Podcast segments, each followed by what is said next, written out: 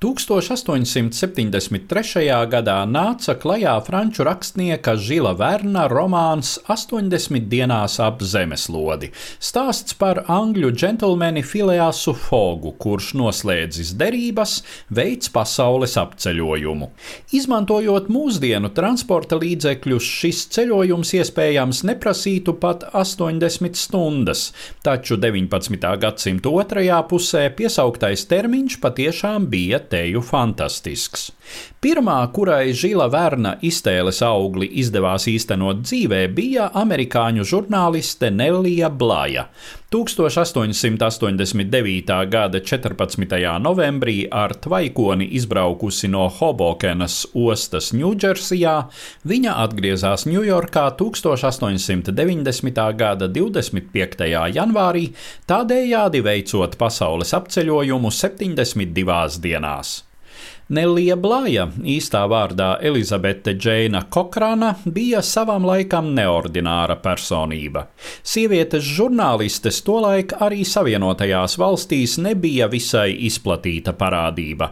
Pie tam par viņām piemērotām tēmām tika uzskatīta mode, dārzkopība un smalko aprindu kronika.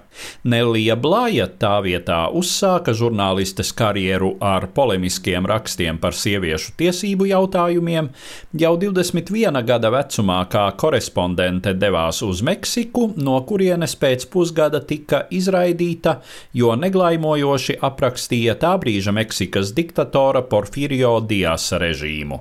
Slavu valsts mērogā Nelija Blāja ieguva ar grāmatu Desmit dienas trakonamā, reportāžu no Ņujorkas sieviešu psihiatriskās dziednīcas, kurā atklājās baisi apstākļi šai iestādījumā personāla brutalitāte, šausminoša netīrība, elementāru ērtību trūkums un apšaubāma ārstu kvalifikācija. Blājas publikācijas rezultāts bija finansējuma palielināšana slimnīcai un daudz stingrāka pārvaldes iestāžu kontrole.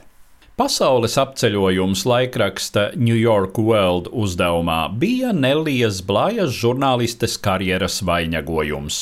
Astoņās dienās tobrīd ātrākais transatlantijas tvaikonis Augusta Viktorija viņu nogādāja Southamptonas ostā Lielbritānijā. Tālāko Blaja pati konspektīvi aprakstīja sarunā ar izdevuma Daily Alta California reportieri, kad sava ceļojuma noslēguma posmā ieradās San Francisco. Viņa stāstīja, Jau tajā pašā rītā, kad ierados Southamptonā, es tiku līdz Londonai un vakarā, tā vietā, lai liktos gultā, sēdos vilcienā, lai pagūtu Amjēnā apciemot žilu vernu.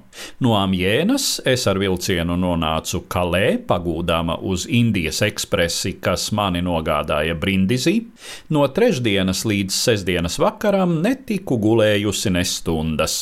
Toties es pusi dienas pavadīju žila verna mājās un tā bija viena no jaukākajām mana ilgā ceļojuma epizodēm. Brindizī ierados 24. novembrī. Ar pieturām Portsaidā un Adenā es 8. decembrī sasniedzu Kolombo, kur pazaudēju piecas dienas gaidot tvaikoni, tālāk devos uz Pinangu un Singapūru, un Hongkongā ierados piecas dienas pirms noteiktā termiņa. Tas gan man neko nedēva, jo nācās gaidīt piecas dienas uz tvaikoņa okeāniks ierašanos. Citāta beigas. Minētais tvaikonis laikapstākļu dēļ uz vairākām dienām aizkavējās Jokohamas ostā Japānā, un attiecīgi San Francisco ceļotāja ieradās par divām dienām atpaliekot no plānotā grafika. Lai garantētu viņai drošu un ātru nokļūšanu galā, laikraksta New York World izdevējs Josefs Pulicers, tas pats, kura vārdā vēlāk tika nosauktas pasaules slavenās literatūras un žurnālistikas balvas, nofraktēja īpašu vilcienu no San Francisco līdz Ņujorkai. Tajā pašā 1890. gadā iznāca Nellijas Blajas grāmata 72 dienās ap zemeslodi stāstīja Eduards Liniņš.